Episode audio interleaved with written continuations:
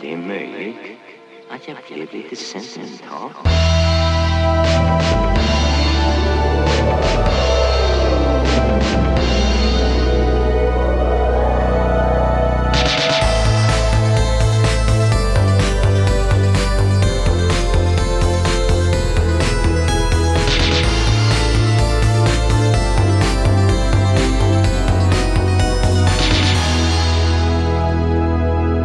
Och känner mig någon viss.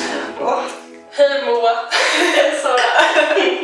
hur, hur mår du? Jo, men eh, bra. Ja, Det var det.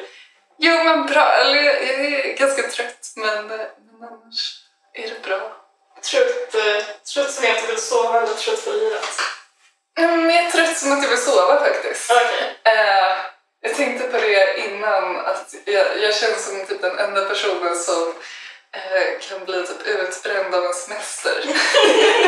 Men det är väl klassiskt att alla blir det. Men är det det? Jag Ja. tror det. Okej, men jag känner mig så... också typ så här, någon timme innan du kom så typ la jag mig på soffan och lyssnade på Vivaldi. en timme och bara... "Ah, typ så här, det, det här är så Gud vad trist." mysigt. Ja. Men har du sett eh, Porträtt av en kvinna ibland? Ja. Där är Vivaldi med i slut... Eh, Ja. Gud, alltså det är där, eh, när någon av dem är på typ en konsert. Ja, just det. Det är otroligt. Ja, Alltså jag tänker mig att hon sjöng ungefär. ja. ja men jag vet inte, jag har haft det som grej typ senaste veckan. Eh, Alltså jag har suttit mycket på tåg och typ varit jättetrött. Eh, och sen så, ja, men så har jag börjat lyssna lite på klassisk musik. Men Mm. så här, jag, jag kan verkligen ingenting om klassisk musik. men eh, jag vet inte, det, det enda jag har typ en relation till är typ de fyra årstiderna med Vivaldi. Eh, Ja men det är den i filmen också, ja, tror jag. jag tror det också. Ja. Eh, ja. Det man kanske inte vet om mig är att jag spelat tvärflöjt i jättemånga år. Gud vilket typiskt såhär eh, kulturskoleinstrument. Ja, ja, det kanske det är.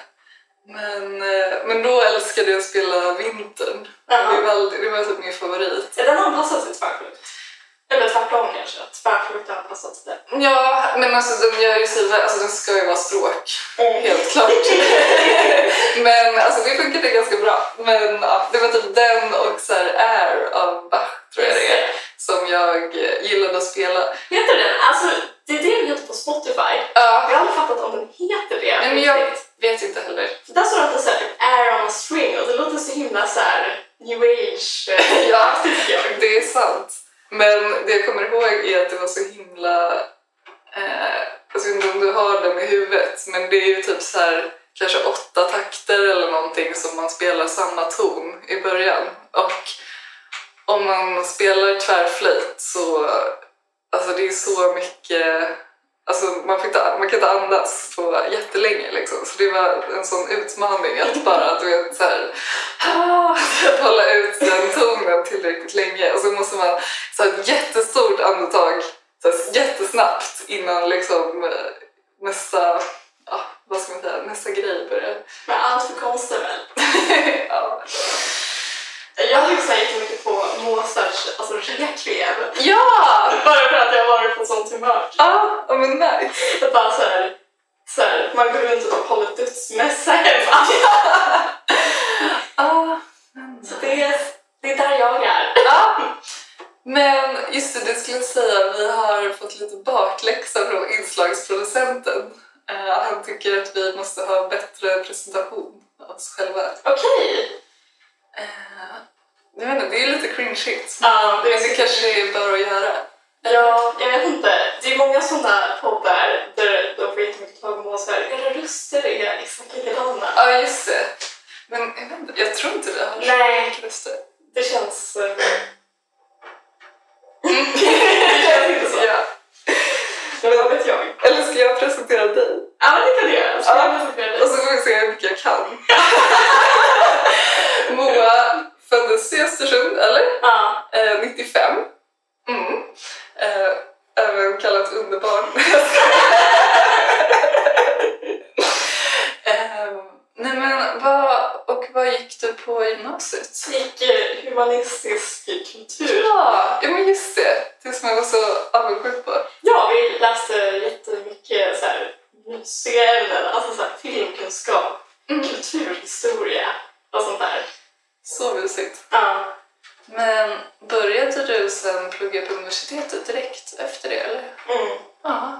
Så jag var sånt underbarn. Ja. så fanns det ingen annan väg. Nej, jag förstår.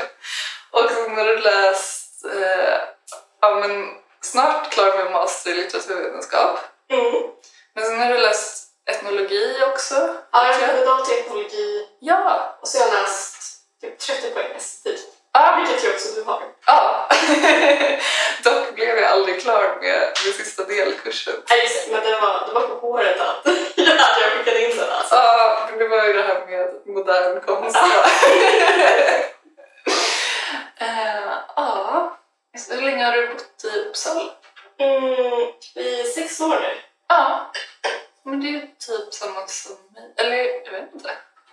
Har jag bott här sju år kanske? Jag vet inte.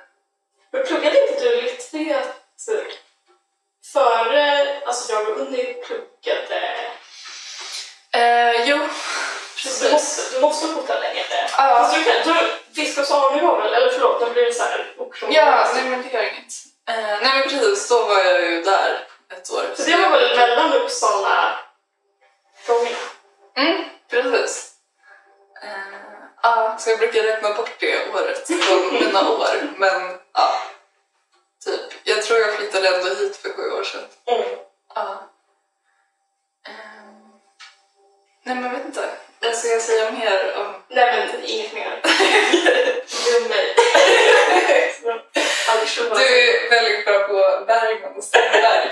Ja, Det tycker jag ändå hör till. ja men det, det är också det jag skriver i min monstrum så det är väl ganska såhär i centrum för typ det jag håller på med. Ja. liksom. Och eh, jag jobbar också ibland på Fyris Ja, just det. biografen, så där blir det också lite så bio Ja, att man blir ett, lite såhär film... Filmnörd? Nej, jag skojar. Eh, ja men det är, Entusiast! det är ett stort intresse. Ja, men det är det. Ja, Eh, Det är det. ja. Så Jag vet inte, jag typ Shoot. Det- Jag är lite osäker på. Du är väl född, du är väl född 91? Mm. Stämmer. Det är alltid så svårt att veta när... Det känns som att alla typ som jag umgås med, nästan alla i alla fall, är födda i någon så här konstig klunga mellan typ så här 92 och kanske 90. Ja, Men jag har aldrig koll på vem som är liksom... eh, Vem som är vart exakt. Men jag räknade ut, eller du sa att du fyller 29 i år. Mm. Så nästa vecka förresten. Mm. Jag tycker det är så pinsamt. Jag menar, av någon anledning tycker jag det är jättepinsamt att fylla 29. Varför det? Jag vet inte. Men Det det... är väl, alltså, det är väl, det är väl pinsamt att fylla 30? Nej men då fyller man ju ändå 30. Det känns som att 29 är bara någon konstig startsträcka. Ja, det är sant. Eller som en nedräkning Ja. tills man ska få 30-årskris, typ. Just det, och det känns också som de kriserna kan vara ganska så här liberala med när de vill starta. Ja. Alltså det, är- det är sällan de startar på så här 30-årsdagen, punkt liksom. Nej. Nej men och sen tänker jag också... Ja men när man fyller 30 det är ändå en så stor grej, typ känns Eller jag vet inte. Men är det inte skönt att ha en sista, en sista födelsedag, punkt? Nej men en, en födelsedag då är det så här typ, inte måste prestera så mycket. Alltså när du är Mm. 30 då är det mer så här pompa och ståt-läger liksom. Ja. Det Så, så kan- måste man ju inte göra det heller, men... Nej, men Men det känns som att människor omkring en kanske, eller så här att ens familj tycker det är... ja, ja men jag vet att jag kunde stå här med lagerkrans och... Ja, Oj, förlåt. ungefär. Ehm, ja. Men och eh, du har läst här i sju år. Ish. Men du har inte- du har inte pluggat alla de åren. Men, Nej.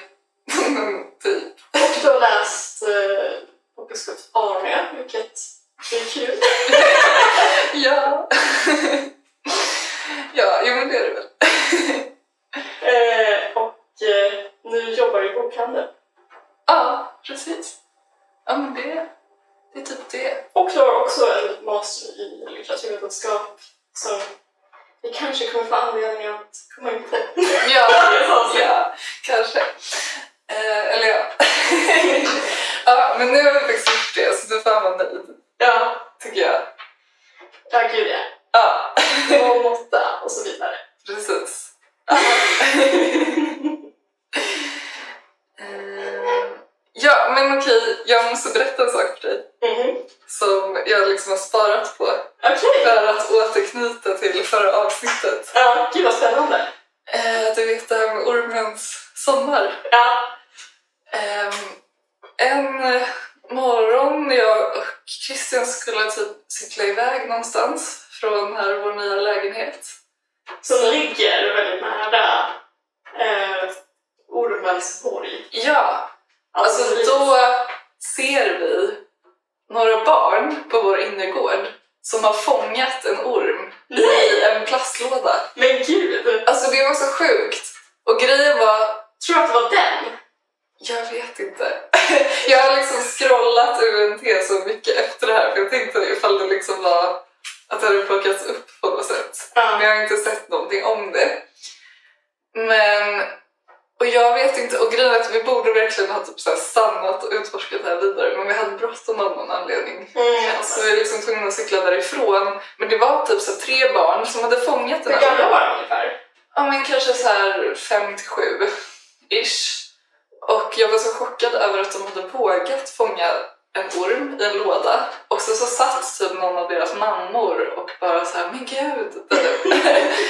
Eh, och ormen var, den var liksom kolsvart och hade typ så här jättestarkt vitt zigzagmönster på sig. Men gud, det kan inte ha varit en typ. vanlig snorkel. Nej, och grejen är att jag vet att huggormar har ju zigzagmönster på sig. Men jag bildgooglade och då är det ju mer som att de är typ så här, alltså lite så här grått, svagt, typ zigzagmönster på sig. Men det här var verkligen, alltså du vet, en s- schack, eh, schackrutig orm typ. Jag får typ gåshud. Ja! Och jag bara, men gud. Ja, men sen, jag, vet inte, jag har liksom inte hört eller sett någonting mer om det här. Men det känns typ too good to be true på något sätt. Att jag ser en orm. Ja, men Vår det måste gård. vara. Ja! Och att ni bor där ni bor och att ni Ja. ser att det är liksom. Och vad hände med ormen? Alltså jag... Ja, vad händer efter alltså, ett par barn har tagit hand om den? Jag tänkte, de kan ju typ såhär klyvt den eller? Nej men oh! Fy fan vad vidrigt.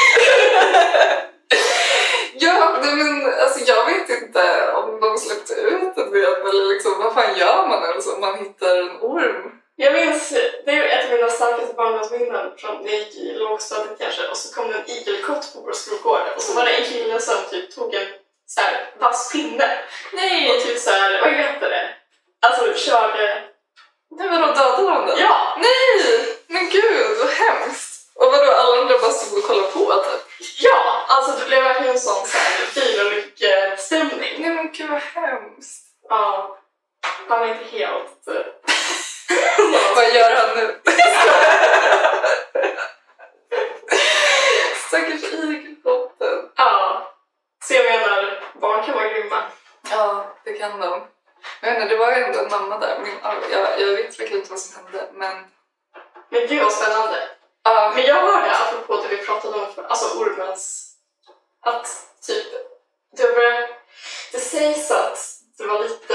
Eller att sanningshalten i den historien, eller att det är lite såhär typ en vandringssägen redan för att det Okej. så här, inte verkar finnas någon såhär... Alltså väldigt få människor på Norrlinjen som verkar ha sett den här ormen, ja, till exempel. ja. Eh, så det var alltså, medierna i P1 som är ett jättebra så här, granskande program. De så här, granskar, journa- vi är journalister som granskar journalister. De hade gjort ett inslag om det Ja, och var så här, typ, har det här ens hänt? Typ. Men jag väljer att inte låtsas om det. nej, jag fattar. Men ja, Ja, men jag fick också höra, det var en bekant med mig som sa typ, för jag trodde att det var sånt, eh, alltså jag trodde att de hade så här, paketutlämning där, men det har de tydligen inte. nej, det har de inte. Så det Alltså, kan ju inte ha varit en sån så här privat... Alltså det kan ju inte vara en sån, en sån wish-orm liksom. Som jag tänkte att det var. Nej, men däremot, jag vet inte ens, vi kanske sa det här i förra avsnittet, men jag tänker på Nelins, alltså de har ju sjukt mycket tropisk frukt där. Mm. Känns det inte som att det skulle kunna vara en sån leverans? Ja men det är sant. Det- Ja, men det var ju någon sån varuleverans liksom. Ja, Men jag måste bara dementera det. ut som att det var ett wish-paket. Ja, jo, ja, men det, det, är väl, det kan vi väl göra. Det är med källkritik och så vidare. Sant. Men jag vet inte, alltså jag skulle vilja ha en intervju med personen som hittade det. Eller jag menar, vem Ja. var det? Eller vem det var? Ja, Jag vet inte. nej. Jag trodde du menade han ormtjusaren. Nej, men jag menar Han verkar liksom... typ ha gått under jorden. alltså de försökte nå honom i media. Men Ja, han typ såhär, jag vill inte kommentera. nej! Han kanske skäms. Eller såhär, ja. Eller jag vet inte, vad ska han skäms för i och för sig? Han har inget att skämmas för. Nej, det har han inte. Men eh, vad, vad tänkte du prata om idag? Jag tänkte prata om min sommar med Agnes. Det är så fint. Och med Agnes så menar jag Agnes Rosenstierna, eh, svensk författare som... Du känner verkligen till henne. Du hade med henne i din masteruppsats. Ja, dock har jag ju bara läst tre böcker. Så jag tror att du vet typ mer. Jag, jag har verkligen alltså jag har slukat Agnes Rosenstierna. Mm. Dels den här sommaren, men också lite förra sommaren. Jag läste hennes Frökena från Palensvit eh, som vi kanske kommer in på. Men det jag har läst mest är Fattig adel eh, som är en ofullbordad romansvit från 30-talet, tror jag. Och eh, det är väldigt mycket så här hetska familjeporträtt i den, vilket man ju alltid uppskattar. Ja. Alltså, en, en celebs mamma så att säga. Ja. Och eh, ja, men mycket så här galenskap, eh, dekadens. Ja. Bara själva titeln Fattig adel antyder ju liksom att det är några som har liksom anor men inga pengar. Så det skapar ju verkligen den här känslan av att så här, det skapar verkligen en känsla av att så här, allt håller på att gå neråt men det är ändå så här, så eh, intresseväckande och så här coolt. Nej, det är coolt men jag tror också att att läsa alltså, den sortens så här, typ, det är, li- de är, sn- de är skrivna lite som så här typ eh, Alltså det är tydligen så här överklassskildringar och det är mycket så att de är på olika gods i Sverige och så olika kusiner och sådär. Mm. Reser runt och sådär. Jag tror också att man behöver läsa det på sommaren för att det är då man verkligen vill göra sådana saker. Ja. Det är då man önskar att man typ hade en kusin som hade typ ett gods i Värmland. Där man Ja. kunde så här, eh, slå ihjäl sex veckor Ja men verkligen. och där det kanske är så här, någon knäpp, eh, ja, men så här, någon byfåne som är så här obehagligt och eh, ja, men bara, eh, jag vet inte. Mm. Så, och jag har också sett eh, My Set Links på Agnes von filmer eller jag har sett om dem. Eh, alltså Amorosa som är en, inte biografi, men alltså en biografisk skildring av Agnes von Rosenstierna och hennes liv. Och så har jag sett Älskande par som är en, en ganska fristående filmatisering av von Palen-böckerna. Så jag känner att jag har lite, lite att säga där kanske. Ja, men absolut. Jag är all ears. Men vad är din relation till det? Du har ju läst, eller du har ju skrivit om henne Ja. på så här akademiskt plan så... ja. Nej men eh, ja, alltså jag, jag skrev ju min uppsats om skildringar av psykiatri kring sekelskiftet. Eh, och alltså Agnes von Krusenstjerna var ju inte typ Eh, alltså min, min primära... Eh, eller det var inte henne jag läste när jag liksom kom på att det var det jag skulle skriva om. Men sen så hade jag ju eh, en handledare som har skrivit jättemycket om Agnes von Krusenstjerna. Anna Williams. Ja, precis. Eh, så det var liksom hon som bara, ja men eh, du skulle nog kunna skriva om eh, henne. Så att jag läste den här eh, Tony-trilogin som den heter, eh, som är ju ganska självbiografisk. Mm. Eh, och som handlar mycket om, eh, eller ja, det är ju fortfarande romaner, men, men som handlar väl lite om hennes egna, eh, ja men hennes sjukdom och lite vistelse på eh, mentalsjukhus och sådär. Jag håller på att läsa Tony-trilogin nu men jag, Ja, du gör det? jag har bara läst första boken och så Ja. pyttelite av andra så då var jag fortfarande ett barn och Mm. kanske så att det, man förstår man förstår vart det barkar liksom. Ja, Hon- Men där fokuserar jag mer på skildringen av hennes mor som ja. inte var på något sjukhus men var liksom... Ja, men där, där, i, där är liksom... I, bo, eller I första boken så är det mer att hon är med som en så här ond aning. Typ. Ja, ja men verkligen. Eh, Det är väl någonting som är genomgående för, för Kronosmurfen, att alla hennes så här modersporträtt är väldigt såhär flawed. Ja, ja men verkligen. Det, det sätter ju tonen. Typ. Men har du läst, har du läst alla Tony-böckerna eller? Mm. För där, i den första så är det verkligen så här, jag tror öppningsmeningen, konstnärligt men eh, för, första meningen tror jag är typ så här, jag kommer aldrig glömma mina, min, min mors ögon eller något sånt där. Ja, ja Och det, är exakt. verkligen, det sätter verkligen tonen att det är någon så här gotisk, eh, skräckfeministiskt Mm. projekt, eller vad man ska säga. Att Ja. det är verkligen så här typ, eh, Ja, att det finns någon så här typ galen kraft eller någonting som Ja. förgörar dem. lite såhär Mad Woman in the Ja, men verkligen. Attic-känsla. Ehm, ja, det är lite som en sån tråp typ Mm. i, i den. Och det är också att hon bara, alltså hon verkar helt liksom frånkopplad. Mm. Alltså jag trodde att det var lite så här överdrivet först, men alltså hon skildras ju verkligen som en helt så här, alltså en lobotomerad person. typ. Ja, men och sen så är det ju också, som också är en sån här förebådande, du vet den här sagan som pappan berättar för Just det. henne. Som är, vad är det, typ det är någon prinsessa som...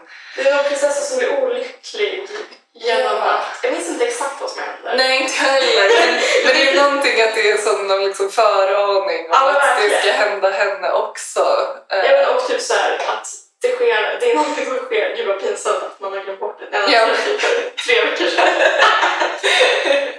men att det är så här typ... eh, Och sen var prinsessan dum till evig olycka. typ. Ja, exakt. Ja, men hon får ju också lite så här typ svimningsanfall och sånt där i Precis. någon tonåring och så. Det är också väldigt tydligt i Fattigadel där alla svimmar hela tiden. Ja. ja, och sen så... Nu ska jag ju inte spoila bok tre för dig. Men, men det finns...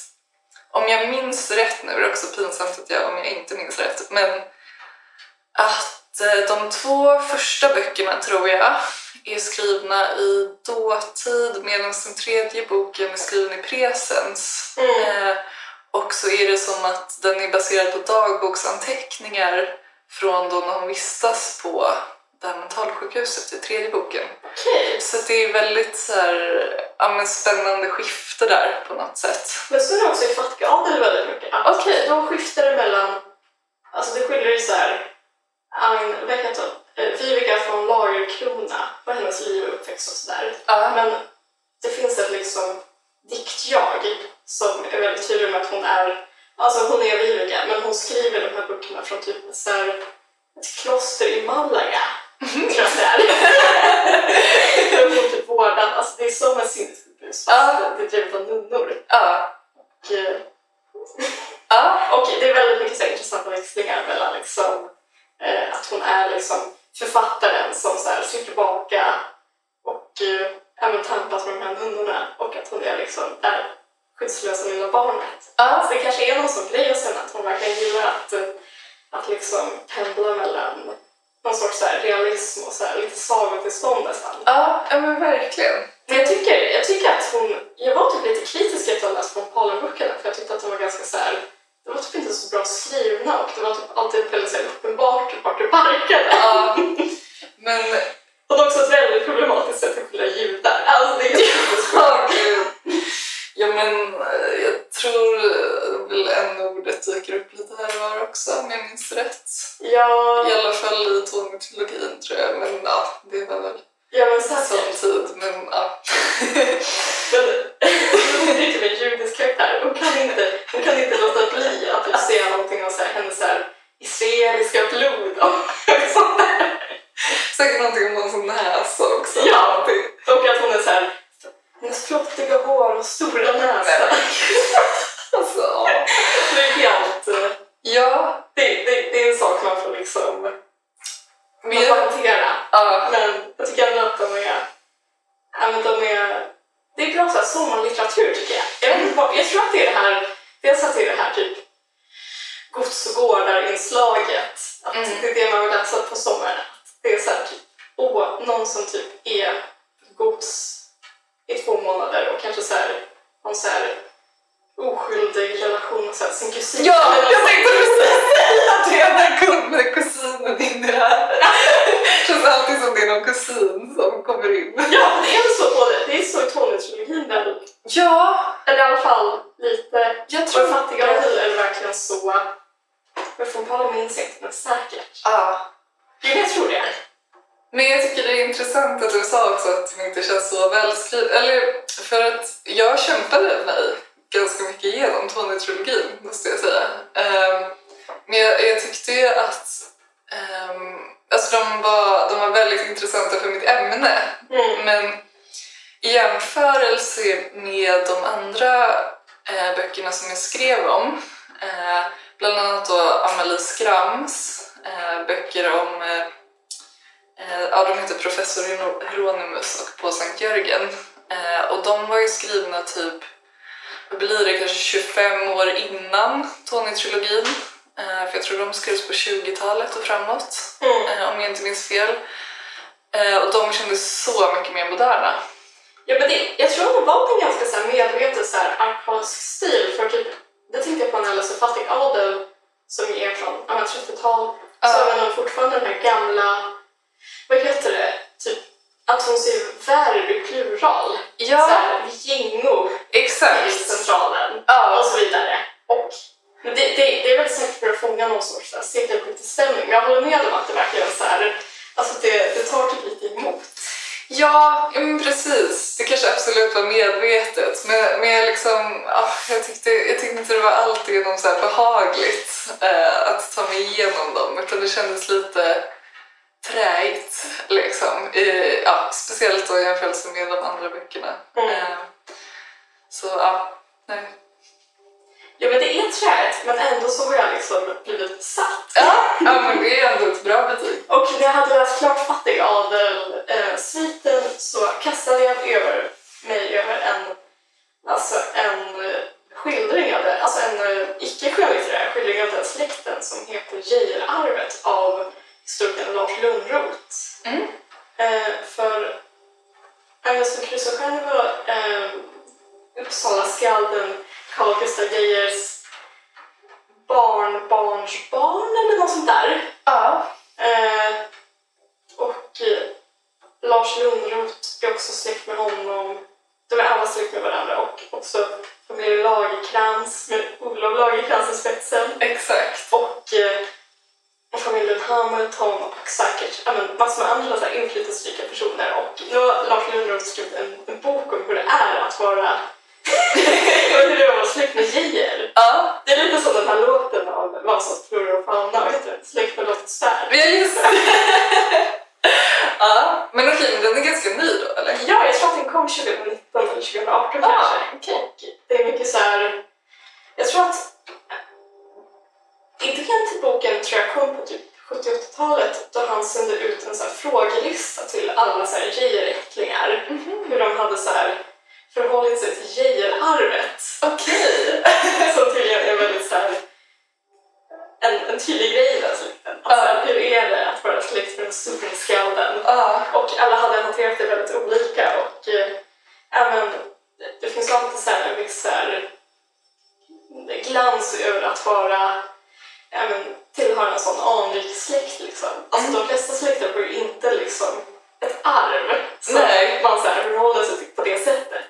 Och det var mycket så här typ eh, Ja, men hur folk hade så här, typ, inspirerats av Geijer flera hundra år senare och försökte så här, typ, verka i hans anda och sånt där.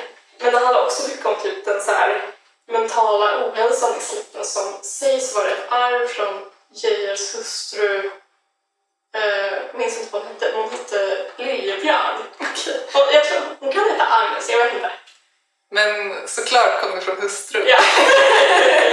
Hon var tydligen, eller hade mycket så här depressiva skov och så vidare. Ja. Och, eh, det, det är någonting som drabbar liksom var och varannan Ja. ättling. Det kallas också för den liljebjörnska sjukan. Ja, men för så är det ju mycket i Tony-trilogin också, att det är liksom så här olika personer i släkten, släkten som insjuknar. Mm. Eh, men det kanske inte har kommit ännu i första boken, men... Nej men i Fattigade, alltså jag känner igen det Ja. i Fattigade, där det är väldigt så här deterministiskt. Att typ så här, någon som är dotter till den här personen kan Ja. inte sluta på något annat sätt. Nej. än att liksom eh, den får liksom liljebjörnska sjukan och liksom blir helt eh, alltså frukt liksom. Ja. Eh, det är också, det är också kan jag säga, så här, gotiskt drag som man dras till. Alltså tanken på att det är så här, typ en ärftlig sjukdom som är så här, och att det är så här, typ en degenererad släkt och sånt där. Alltså, det är verkligen så här, det är svårt att inte liksom så här, bli väldigt eh, fäst vid det liksom. Nej, Ehm, jag håller med. Men jag vet inte, det har bara varit extremt kul att läsa allt det där. Och jag började också läsa den här Agnes von Kruse och stjärna-boken av eh, Lagercrantz. Ja, Men jag har inte kommit igenom den nej, än, för jag har haft annat på mitt bord så att säga. precis. Men där pratade vi lite innan om hur typ Mm. fascinerande det är att man kan skriva en så här litteraturvetenskaplig avhandling om sin släkting. Ja, Och typ så här utgår från så här privat material och att det är så här bara ja ah, men vad kul att du har så mycket material om det. Eller att det är så här, att det verkar problematiseras så lite. ja, ja men och, jag vet inte, jag tycker det känns som att det aldrig skulle kunna hända idag. Eh, alltså jag tänker, många skriver väl biografier om sina släktingar, men det känns just liksom som avhandling att det skulle kännas Ja, men just med liksom den personliga touchen som verkligen infinner sig i, i den boken. Ja, och det är väl inte heller det vanliga när det kommer till så här litteraturvetenskap. Alltså, det Nej. finns ju ämnen som är mer så här, typ personliga liksom. Men det känns som att alltså, det, är, ki- det är alltid kul att läsa sådana alltså, gamla avhandlingar typ, för att det känns verkligen som att de är, de är från en annan värld liksom.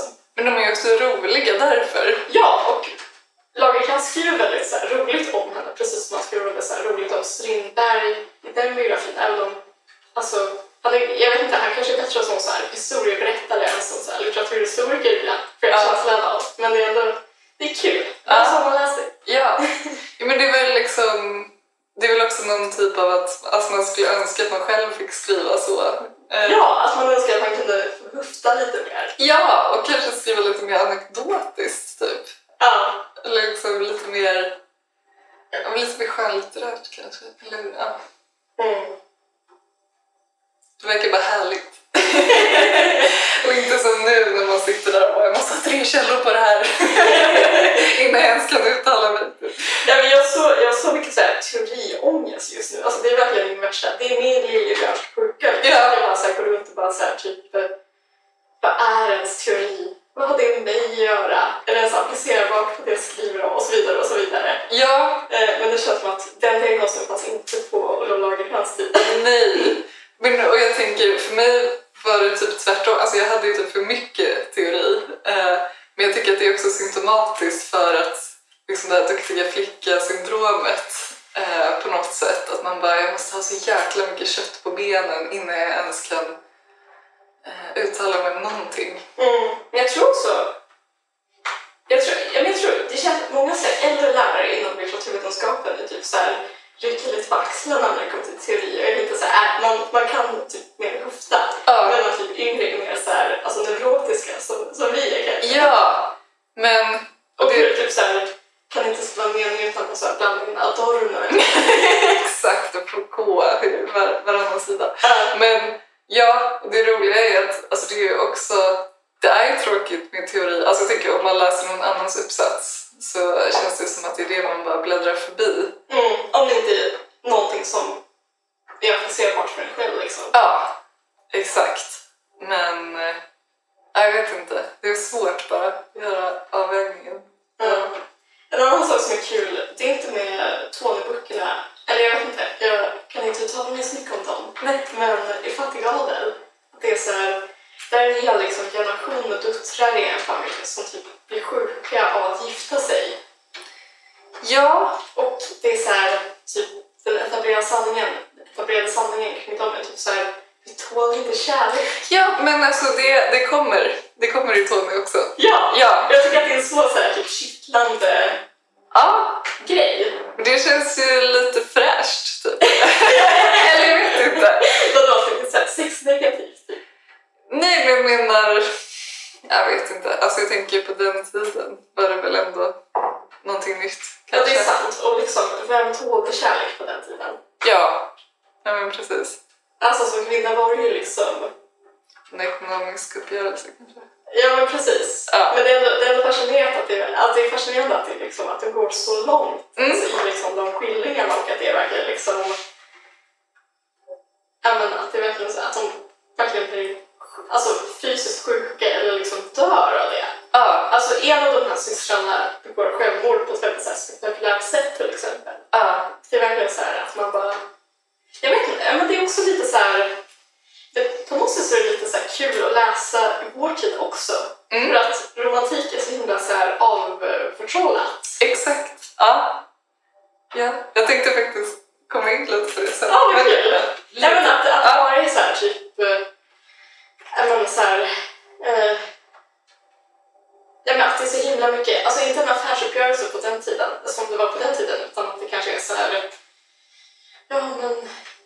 Det är så vi människor är, vi söker en annan och... eh, Jag menar, typ, nu pratar man ju mycket om så här typ seriemonogami och eh, Ja. huruvida så här, alltså typ hur människor är så här typ biologiskt designade att leva till exempel. Ja. Att det är så här, ja vi kanske inte kan leva i ett äktenskap hela livet utan att man kanske så här går från person till person mer. Jag tänker på som i den här eh, Isabella söker kyla. Jag vet inte om du hörde det avsnittet men Isabella Löwengrip pratar om att hon ska ha då en man för varje decennium. Ja just det! Det är liksom det moderna. Ja precis, att det är så här, typ någonting man har läst i typ ett filterreportage. Att typ så här, det är så vi människor funkar, så bara så här, förbered dig på det. Ja, Medan de här är typ adelsdustrarna som är så här, inte tål kärlek är helt liksom så här, eh, att de är helt utanför min grejer liksom. Utan att de är så här, alltså, de är fortfarande liksom personer som typ verkar i typ ett system där man fortfarande kan bli helt så här, typ galen av kärlek. Alltså på ett sätt som det känns som att ingen skiljer nu för tiden. Alltså Nej. kanske så här Lena Andersson och sånt där. Men det är också lite så här, Att att det man är har någon så här vetenskaplig blick på det. Jag vet Ja. inte. Men där är det liksom en förbannelse, vilket jag tycker känns härligt. ja men det, det är som sagt känns fräscht. Jag önskar att fler jag kunde tala om sitt kärleksliv på det sättet. Ja, och det kanske, det kanske kommer igen. Att det är, så här, det är inte så här, "Ah, jag har inte hittat det rätta för den här, den här omständigheten, utan jag tål inte kärlek. Nej, jag tycker det låter också som en väldigt bra titel. Det, är också, det var svårt att så här, sälja några självhjälpsböcker på- om det är så här, typ, deter, determinerat att det är så. Liksom. Ja, det är sant. För liksom, en allergi är en allergi. Liksom. Ja, men jag hade läst boken i alla fall. Och det spåret finns också mycket i Amorosa, alltså den här filmen om Folkhusen stjärna. Mm. Majsa- Har du sett den? Nej, jag har inte det. Alltså, jag är jättesugen, men jag har bara inte haft eh, tid. Men sen så, för jag vet att du nämnde att, ehm, eller var det Amorosa eller var det Älskande par? Ja, men lite att typ, det kändes som att man skulle ha läst. Ja, Älskande par, för den har jag sett två gånger. Ja. Ena gången när jag inte hade läst böckerna. Och Precis. då typ, ja, det är en ganska så här, fragmentarisk och modernistisk berättelse, alltså filmberättelse. Och jag förstod typ inte så mycket av alltså grundstoryn om von Palen. Nej. Eh, jag vet inte, det kan ha varit jag som var lite slö också. Men sen så såg jag om den efter jag hade läst böckerna. Mm. Och då var jag verkligen så här typ... eh, Jag förstår allt och det här är så bra. Typ. Ja, ja, men nice. Men det är därför jag bara, hmm, borde jag... Men Anna Rosa tror jag absolut man kan se innan. Ja. Alltså, och du var ju verkligen alltså, koll på Kristin själva liksom. Alltså där är det att man ska hålla lite koll på hennes biografi. typ. Ja, okej. Ja, men då... Då börjar jag med den helt enkelt. Ja, men gör det. Men är det, finns den på SVT typ? De fanns... Fast det är under förra veckan sedan, tror jag. jättekort tid? typ. Ja, de har ju haft... Okej, vi kanske pratade om det här förra veckan. ja Eller jag tror förra det. gången. Ja, men, Men alltså den här temagrejen hos SVT, så här, de uppmärksammar kvinnliga regissörer. precis. Men jag tror att de fanns på Draken också. Ja, så- säkert. Ja. Jag tror också, apropå det och apropå Maj Settling, Mm. så var det en film som hette I rollerna 3. Som Okej. var typ en dokumentärfilm som handlade om...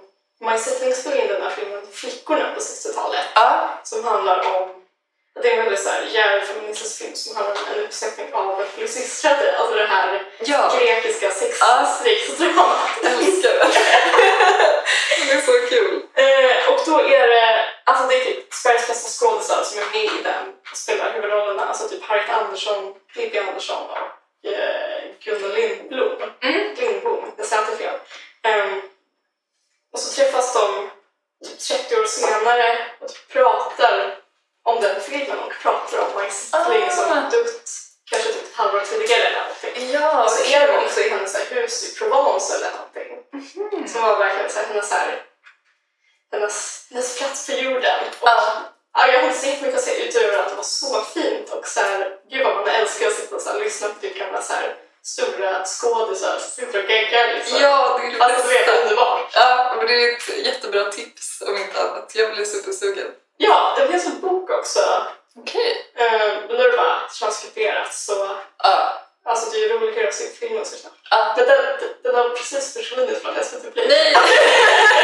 Men den finns också på någon sån streamingsajt säkert.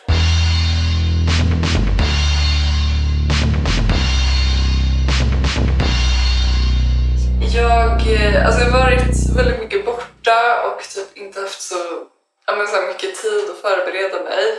Mm. Men sen så kände jag ändå att det är roligare att vi bara gör podden ändå. Liksom, istället för att bara dra ut på det. Ja, verkligen. Eh, och då tänkte jag bara på typ så här, vad har jag läst på sistone.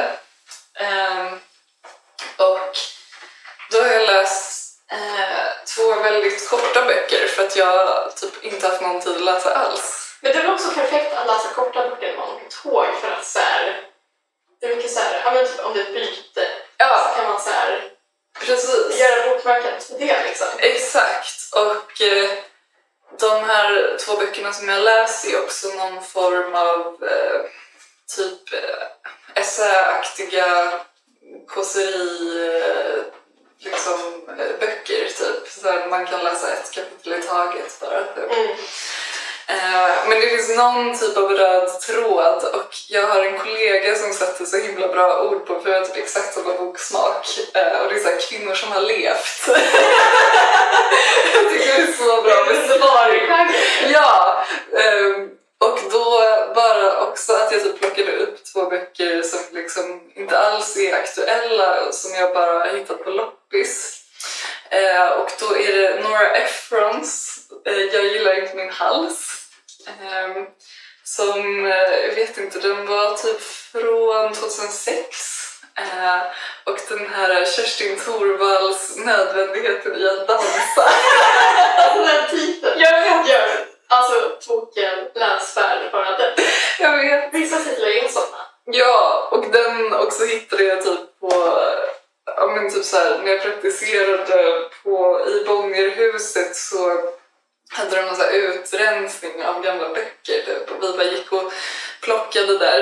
Eh, men så den tog jag.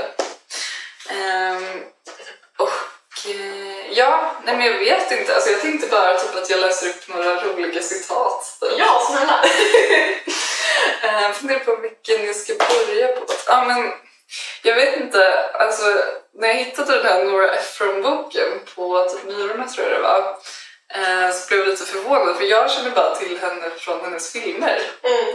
Eh, och jag älskar hennes filmer. Eh, hon har gjort de här När Harry mötte Sally och typ You Got Mail. Just ja. Eh, typ alla de här härliga så här 90-tals, eh, typ, vad ska man säga, rom, nej inte romcom Det är men väl typ, lite såhär typ intellektuell romcom. typ. exakt. Alltså lite som Woody Allen på 70-talet. Ja, men såhär mys med en intellektuell touch. Ja, och typ såhär, alltså det handlar om New York framförallt. Ja, och jag älskar dem. Alltså jag har sett typ alla de filmerna jättemånga gånger. Jag tycker så mycket om det här med Sally. Den är fantastisk. Eh, Men jag visste typ inte att hon hade så här skrivit så mycket. Men hon har tydligen eh, ja, men skrivit för New York Times och The New Yorker och sådär. eh, Innan hon gjorde filmerna. Mhm. Ehm, och eh, ja, men jag vet inte vad jag, alltså hon har bara så här. eh, Typ den här boken handlar väl lite om typ så här hur jag var kvinna i största allmänhet och hon är typ så här i 60-årsåldern tror jag när hon har skrivit den. Så hon tittar lite tillbaka på sitt liv. Ja, Men det handlar mycket om åldrande också va? Ja, ja men precis. Ja, men jag tror, jag tycker att man får på Fredrik och prata om den. Ja, är det sant? Alltså för jättelänge sedan kanske. Okej, vad Alltså- roligt. Eh, Ändå otippat för Filip och Fredrik. det är kvinna. Ja, precis. Bara det. eh,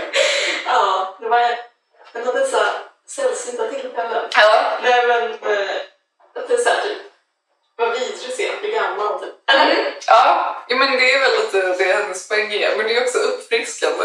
Ja, jag vill verkligen... Jag vill verkligen att man ska stoppa den här typ idén om att det är härligt att bli äldre. Det verkar inte typ vara så härligt. Nej! Nej men precis. Jag funderar på, hon skriver om det i slutet. Det finns böcker av alla slag skrivna för äldre kvinnor. De är så vitt jag kan bedöma samstämmigt positiva och fulla av plattityder och moralpredikningar om hur behagligt livet kan vara när man väl befrias från alla gnagande barnplikter, menstruationen och i vissa fall heltidsjobb. Jag finner dessa böcker helt och hållet värdelösa, på samma sätt som jag på samma sätt som jag fann alla böcker jag en gång läste om klimakteriet helt och hållet värdelösa. Varför skriver folk böcker som säger att det är bättre att vara äldre än att vara yngre? Det är inte bättre. Ehm, ja, det är liksom inte... och så, precis, och så kommer någon sån slutkläm också. Åh, vad jag ångrar att jag inte hade bik- bikini året om när jag var 26. Men gud! Om det är någon ung människa som läser det här, ta ögonblickligen på dig en bikini och ta inte av den förrän du är 34. Det här är riktat till dig Moa, som har fyllt 25. Ja men gud, jag känner så... Ja, Ja, det, det, det är det här jag har känt på mig. ja.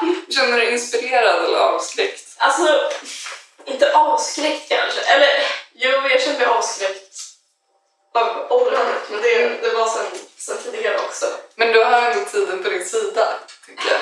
Ja, men det känns som att man har ändå pikat säkert. Ja, ja kanske. Eller förlåt, det kanske var ett deppigt svar. Eller jag tänker inte att du har pikat. Eller ja. Jag tänker att jag har pikat för länge sedan. Nej, men jag vet inte. Det känns som att man pikade när man inte ens hade i, tank, i åtanke att man kunde pika. Ja men exakt. Alltså jag tror ändå att...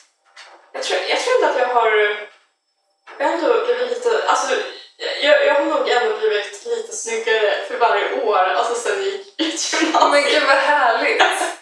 Alltså inte för att det är någon sån beauty queen direkt, men bara så här att då var jag så himla liksom så här typ eh, oförlös liksom. Ja, men eh, jag tycker ju du är jättesnygg. Så jag håller med, även om jag inte kände dig på gymnasiet. Ja, men då var jag väldigt så här, alltså, då var jag väldigt så här typ... Jag var typ lite ful på det sättet som man typ så här pratar om att typ så här feminister är. Ja, jag fattar. Ja. Eller att jag var lite så här, det var någon konstig så här dogm som Mm. jag hade så här fått för mig att så här, det gäller mig också. Men det här är ju skitintressant. Alltså det här skulle jag vilja prata om. Alltså, liksom skit i några afron. Men, eller berätta mer. Jag men jag var typ så här, jag vet inte, jag typ rakade nästan, jag rakade benen jättesällan. Ja, ja. Jag vet inte varför det känns pinsamt att berätta om. Nej. Men så var jag på ett SSU-läger när jag gick kanske tvåan eller trean på gymnasiet. Då så typ bastade vi. Mm. Då så hade jag en orakad ben. Vadå kändes det jobbigt då? Nej, men då var det typ en, då var det typ massor med tjejer där som var typ såhär Gud, du är så tuff. Som inte har rakat benen. Ja. Eller såhär. Och liksom, det var ju typ en komplimang. Men Ja. det kändes som att det de implicit sa var typ såhär Gud vad, gud vad modigt att du som typ är ett ras sitter här. Men jag vet inte, jag tycker... Ja, jag, alltså för jag hade en liknande period. ehm, ändå senare typ, än dig. Men det kanske ändå var, det kanske ändå var samma år. Alltså det här var typ såhär 2000, tidigt 10-tal typ. Mm. Alltså kanske första halvan av 10-talet. Ja, Så var jag liksom ganska ful. men grejen är, och det är också så intressant tycker jag, Så det kanske var samtidigt. Huruvida alltså, man var ful eller man bara kände sig ful. Men typ, när jag, precis när jag flyttade till Uppsala alltså, hade jag liksom någon... Alltså, jag hade också jättemycket ångest eh, och typ mådde piss eh, och typ så här, var också deprimerad på riktigt. Mm. Jag bara, eh, liksom innan jag blev di- diagnostiserad med ja, jag är bipolär. Eh, så att jag mådde skitdåligt. Men och grejen med mig är typ så här att det är alltid när jag mår som sämst som jag sätter upp såna här konstiga så här dogmer för mig själv. Jaha. Eh, och liksom blir så här jättestrikt med olika saker. Och jag tycker bara, alltså vet inte, jag tycker det är så här en intressant spaning liksom, i, tillbaka i mitt liv. Typ. Mm. Eh, för att då, då var jag så, eh, så här, jag hade jättemycket klimatångest. Och det kan jag väl, Ändå tidigt. Tidigt eh, av klimatångest då. va? ja men typ så här 2012, 2013 tror jag. Du var typ Greta innan Greta. Det skulle jag inte säga. Det känns som att hon är också... Hon är, hon är ju också svag för dogmer. Ja, men så att då var jag... Och jag vet inte, till saken hörde kanske att jag hade så här, alltså extremt lite pengar, men typ självvalt. För att jag tog inte typ ut så mycket CSN. Mm. Jag menar, det hade jag ju kunnat göra. Så det var ju på något sätt som att jag bara så här späkte mig själv ekonomiskt. Men också att jag typ så här bestämde mig för att så här, jag ska aldrig mer köpa något på H&M eh, Och så här, eh, jag ska bara köpa kläder på Myrorna. Eh, och så, så att jag köpte bara kläder på Myrorna. Eh, och så här, det kan, man kan hitta bra saker på Myrorna, men om man bara ska köpa kläder på Myrorna, då, då kan det bli liksom, hej kom hjälp mig. Eh, verkligen. Jag hade också en jätteful parka som jag gick med. Alltså som jag köpte på Åhléns kanske. Och som var, alltså när jag köpte den så var jag kanske lite såhär Wow, Liam Gallagher. Men sen när jag hade den på mig så var det bara såhär, alltså gud vad, alltså jag såg så såhär sorglig Ja, men jag hade typ så här, någon grön typ av jacka som hade så här axelvaddar. Så. Ja, det var liksom som att jag bara, okej det är skitfult med axelvaddar, men det här är min jacka nu. Typ. Eh, Ja, men min jacka var också såhär typ grönbrun. Ja, det var min Ja, men så jag gick runt där och så här, med jeans som satt jättedåligt för att jag hade hittat dem på Myrorna. Och liksom, men grejen var den att alltså, det är ju ingenting fel med att göra det. Alltså, folk kan väl se jättesnygga ut, men jag kände mig ful och jag mådde så dåligt. Ja, men samma här. Och liksom, det var nästan som en så här revelation för mig när jag typ tog mig ur det och bara så här, men jag mår inte bra av det här. Alltså jag hade samma grej, att jag typ inte heller rakade benen, jag typ sminkade mig aldrig och så här, återigen, folk kan se jättebra ut utan smink. Men det var liksom bara, för mig personligen, att jag gick runt och kände mig ful. Ja, Alltså bara, varför ska jag göra det här? Alltså för vem? Eller så här, men jag var också, därför, jag läste typ jättemycket såhär sociologi på den tiden. ja. Eller jag läste den här typ... eh,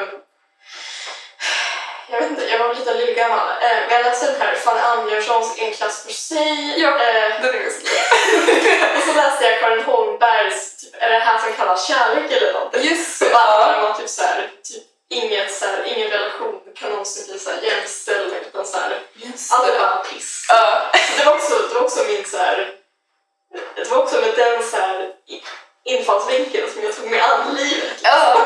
Men och då kändes det som att jag hörde till att liksom, då var det som att så här, allt var piss. Man kommer aldrig kunna så här, typ, bli lycklig. Eh, Nej. Och så här, politiskt så är allt också piss. Ja. Och så här, då kan jag lika gärna alltså, se ut som... Alltså, Piss. Alltså, det, det, det, det är nästan som att man tänkte att ja, det enda rätta är typ att jag går runt och ser ut som typ så här, alltså, någon, så här, något typ freak från Mumindalen. Typ. Ja. ja, men vad fan. Jag kan bli så arg på mig själv i efterhand. Ja, jag också. Alltså, jaha. Plus att det var inte, alltså, det var inte så här, det var inte direkt så att man så här, man hade ju massa tan- tankar om typ så här, hur världen borde vara och så där, men Mm. det var inte så att någonting förändrades genom att man Nej! gick runt och liksom var olycklig. Ja, jo, men det är det jag menar. Jag tycker bara, vet inte, det känns som en typ röd tråd, alltså just med typ så här kläder och mode, att jag typ märker att när jag själv mår bra, alltså jag tycker det är jättekul med kläder och eh, alltså så här, eh, mode typ. Jag, alltså jag är ganska intresserad, men det är som att varje gång jag mår dåligt så ska jag liksom bara men kanske bara ha svarta kläder på mig. Alltså det är ju återigen, typ, det är ju snyggt liksom. Ja, Men, det är eh, typ den jag har på mig. ja, och det är jättesnyggt men typ som att, alltså, som att jag bara så tränger tillbaka liksom. Det är... Ja, men jag vet inte, för det kan vara väldigt kreativt liksom. Ja, men det är verkligen ett sätt att liksom piska sig själv, att liksom bara så här, Ja. förvägra dig själv att liksom Ja. så här, ha lite kul liksom, Exakt! när det gäller kläder. Ja men exakt. Ja men kul att du också har haft den typ. Men det är kanske är en viktig del av att så här, typ, eh, bli en kvinna eller någonting. Ja men kanske. typ, himla snygga när de var så här 18. Mm.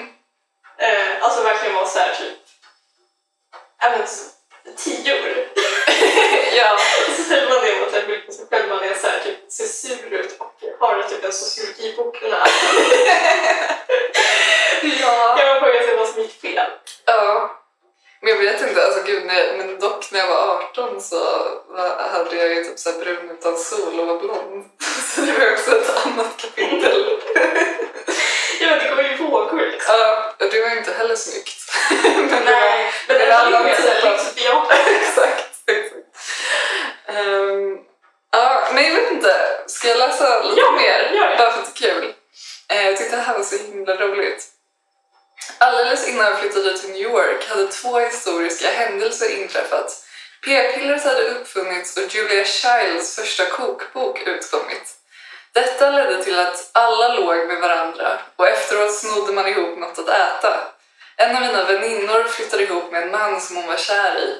Hennes mor var förtvivlad och varnade henne för att han aldrig skulle gifta sig med henne eftersom hon redan hade legat med honom. Vad du än gör som min väninnas mor, bjud honom aldrig på mat. Men det var för sent. Hon bjöd honom på mat. Han gifte sig med henne ändå. Det här var ganska precis vid den tidpunkt då man upptäckte endiven, vilken följdes av rucola, vilken följdes av rosensallad, vilken följdes av frisésallad, vilken följdes av de tre M'en. Eh, och nu vet jag inte om jag uttalar det här rätt. Eh, mesklun, marché och mikrogrönsaker. och detta är i ett nötskal historien om de senaste 40 åren ur salladssynvinkel. Men nu går jag lite för fort fram. jag tycker bara hon är så on point. Ja! Alltså, Men jag, jag blev dock förvånad av det här att man inte ska bjuda någon på mat. Jag trodde det var det enda man skulle göra. ja. ja jag, kan, jag kan inte heller relatera till det. Men det kanske var någon så här typ, då tror han att du är din hemma, eller att han är din, att du är hans hemfru. Så Ah. det var det de ville. Ja, precis. Innan man har gift sig. Ja. Eh, och vi fortsätter lite här också, alltså, apropå mattemat då. Eh, samtidigt började vi alla laga mat på ett våldsamt neurotiskt och konkurrensinriktat sätt. Vi var ute efter applåder, vi gjorde oss hela tiden till. Vi var förtvivlat angelägna om att vara allt för alla människor. Var detta den storslagna kulmen på motrevolutionen i hemmet efter andra världskriget? Eller det första man såg av en sjuklig drift hos kvinnor att ta på sig för mycket. Ingen visste, vi var allt för upptagna av att skära och tärna. Men det låter lite som den där huskvinnadebatten som var för två år sedan eller vad det var. Ja. Att så här, typ, det här är typ ett, det här är ett bakslag för liksom, feminismen och sådär. Att Ja. det ska alla in i köket och sådär. Precis. Fast samtidigt så vet man inte om det är det eller om det är något helt annat. Nej. Men jag jag vet inte, jag funderar på det här för din eh, syndromet. Jag vet inte ens vart jag har fått det ifrån. Nej, jag har inte hört det. Nej, okej. ja, Men, men, säg. nej, men jag vet inte heller vart jag har hört det ifrån. Jag tycker det låter mysigt. Eller så här, Ja, jag tycker... Men jag vet inte, på något sätt man typ så här gäster, att man ska vara liksom, att man går in och så här kvinnor, jag, jag, jag vet inte ens vad jag vill säga med det här men bara funderade på om du kan känna igen dig i det. Eh, För jag kan känna igen mig lite i det. Ja, men... Ja, absolut. Att Ja. jag, kan bli så här, jag kan bli väldigt så här, typ eh, uppe i varv. Ja. men precis. Ja. Och vara så här, typ... Åh, är alla nöjda nu? Eh, Mm. Pratar ni här med den här? Och så vidare. Ja men Men jag precis. tycker också att det är någonting... Alltså, det tycker jag inte... Bara för att det typ är förknippat med så här, typ, kvinnligt förtryck och att vara så här, en hustru och sådär så tycker jag ändå att alltså, värdinnaskap är någonting som man ska eftersträva.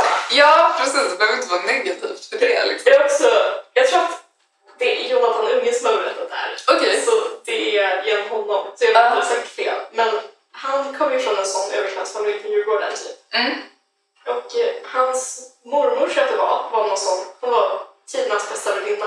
Okej. Eh, och när typ hon hade bjudningar och så var det någon som så här spillde ut sitt glas vin så skulle hon också ut sitt glas vin. Jaha, för att liksom bara lätta upp stämningen lite. Ja! Ah. Alltså det, det har jag verkligen burit med mig. Ja. ja, men, och nu kommer jag tänka på, för jag vet att typ Virginia Woolf skriver om det i A Room of One's Own tror jag. Du vet den här, vad säger hon? Typ, The Angel of the House. Just eller det. Någonting sånt. Eh, Men det är väl också lite det här med Woman in the Attic. eh, Mm. Jag tror jag också skriver om det. Ja.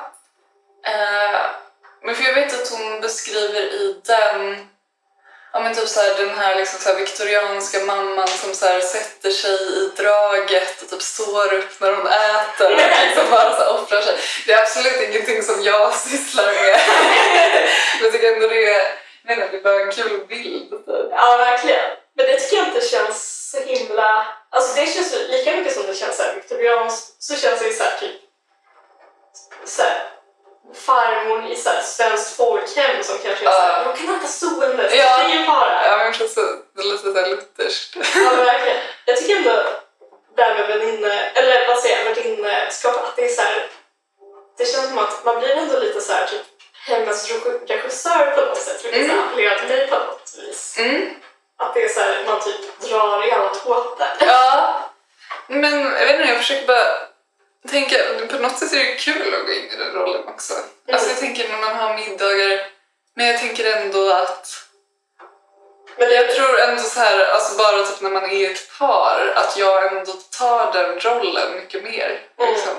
Men det är väl så här, det beror väl på hur mycket man så här internaliserar och gör det till sin så här vardagspersona också. Ja. Alltså jag tror om man har det mer som en så här typ roll på fester och sådär så är det ingen Ja. fara. Nej. Men om man liksom lever hela sitt liv så. så. Ja, varje gång Christian skulle ut ett glas. Oj! Om jag skulle göra det skulle vi inte ha några italienska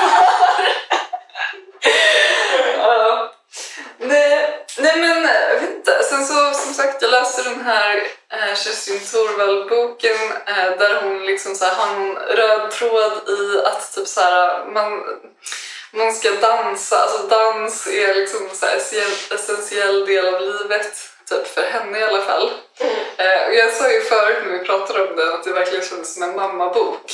Och typ en av anledningarna till det är ju att eh, alltså min mamma älskar ju att dansa. Så jag tänker väldigt mycket på henne. Eh, men det är härligt på något sätt. Men hon har en sån himla typ, rolig inledning på det här. Eh, de skriver dans fanns före språket.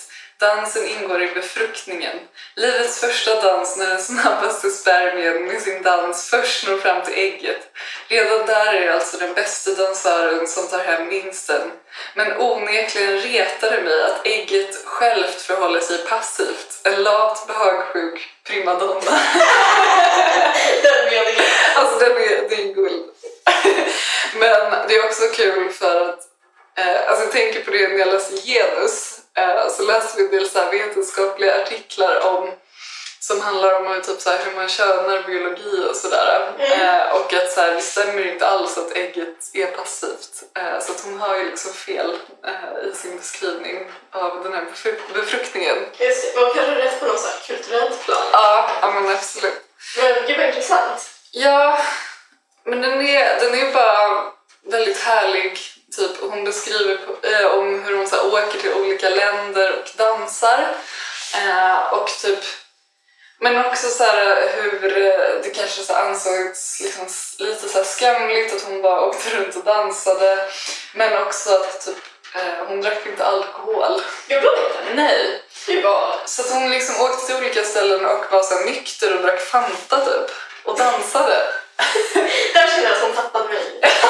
Men det är också härligt på något sätt. Ja, verkligen. Och så pratar de mycket om att typ så här, efter 38 minuter så man bara dansar, att så här, man når någon, alltså lite som du vet så här, runners high typ, att man eh, får någon så här endorfinkick typ. Mm. Och att så här, det är det hon alltid eftersträvar typ. Och att det är väldigt ångestdämpande för att hon var ju, hade ju väldigt mycket ångest. Um, så det är bara lite härligt typ. Gud vad spännande. Ja, eh, men sen så tänkte jag apropå, jag tror att någon gång har pratat om det, eh, med det här att så här, ingen skriver om sex längre. Ja. Så som typ Kerstin Thorvall gör. Eh, att, jag vet inte, och det känns som att många har pratat om det, alltså typ hur man skriver om sex nu, att alla bara är så här alienerade. Ja men hela den här kulturdebatten som var för någon sommar sedan, så här, om den så här, posterotiska generationen. Ja men exakt. Och jag Ganska tänker liksom, ja. Eller allt är bara liksom...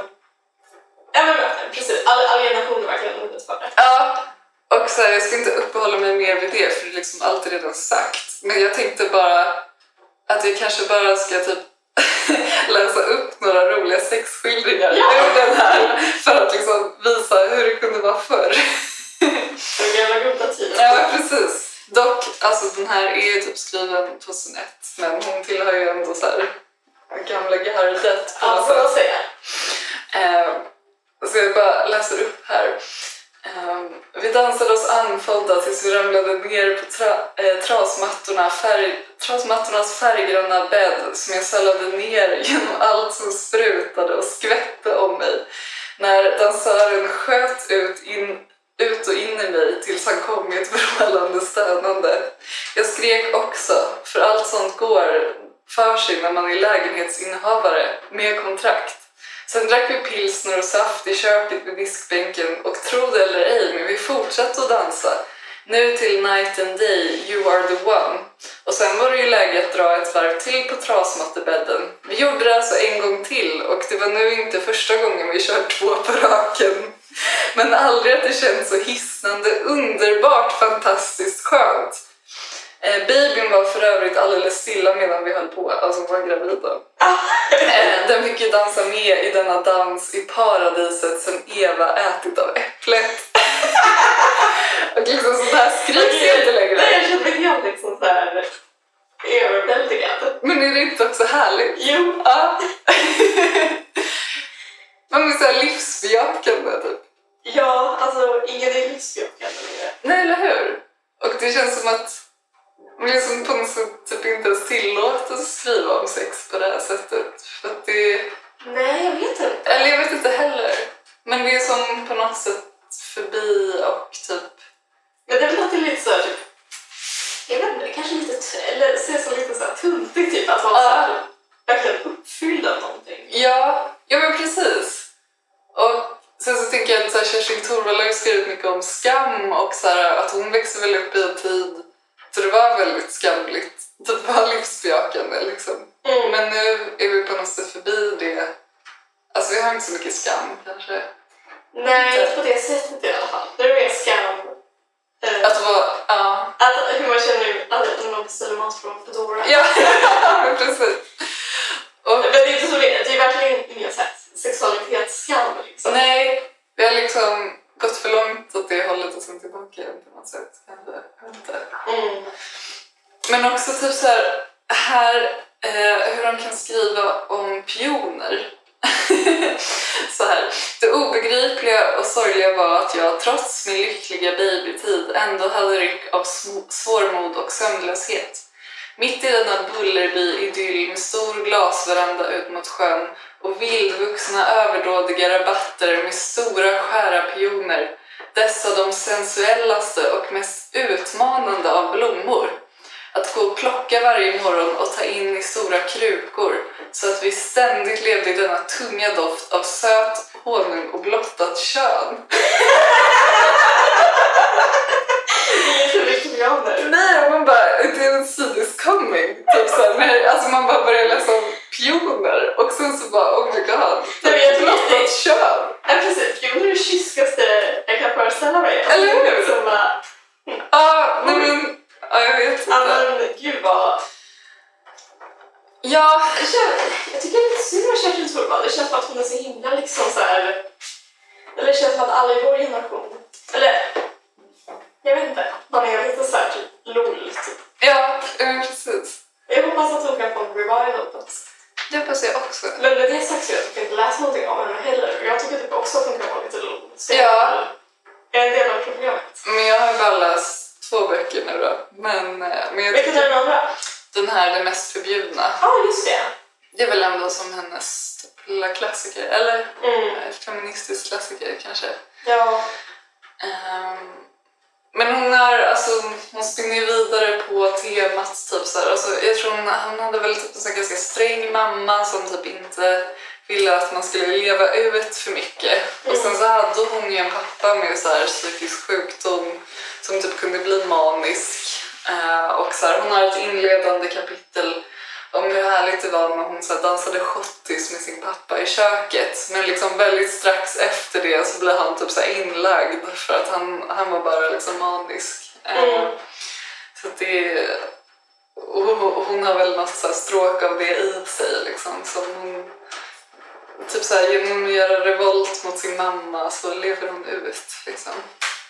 Gud, vad- det känns ändå som att man kan dra någon sorts parallell till alltså, från Crusoe. Ja, ja men faktiskt. Och inte, alltså för hon är så himla liksom negativ till sexualiteten. Alltså, Ja, ja men Det precis. är, det är kul att det är så här, verkligen två olika sidor av myntet. Ja men faktiskt. Alltså för båda är ju typ lite uppror mot den här liksom viktorianska s- strängheten. Mm. Men det känns ändå som att de hamnar på helt eh, på, eh, två liksom motsatta sidor liksom. Ja, ja men precis. Jag vet inte, men det kanske var det. Ja, jag tror det. Men, ja, det, det känns som att vi har lämnat så här 10 000 boktips. typ. Ja men det är väl alltid något. Ja, Ja, så, då har vi gjort vår kulturgärning för den här gången. så läs sedan så hörs vi. Det gör vi. Hej då! Hej då! Det är möjligt att jag blev lite sentimental.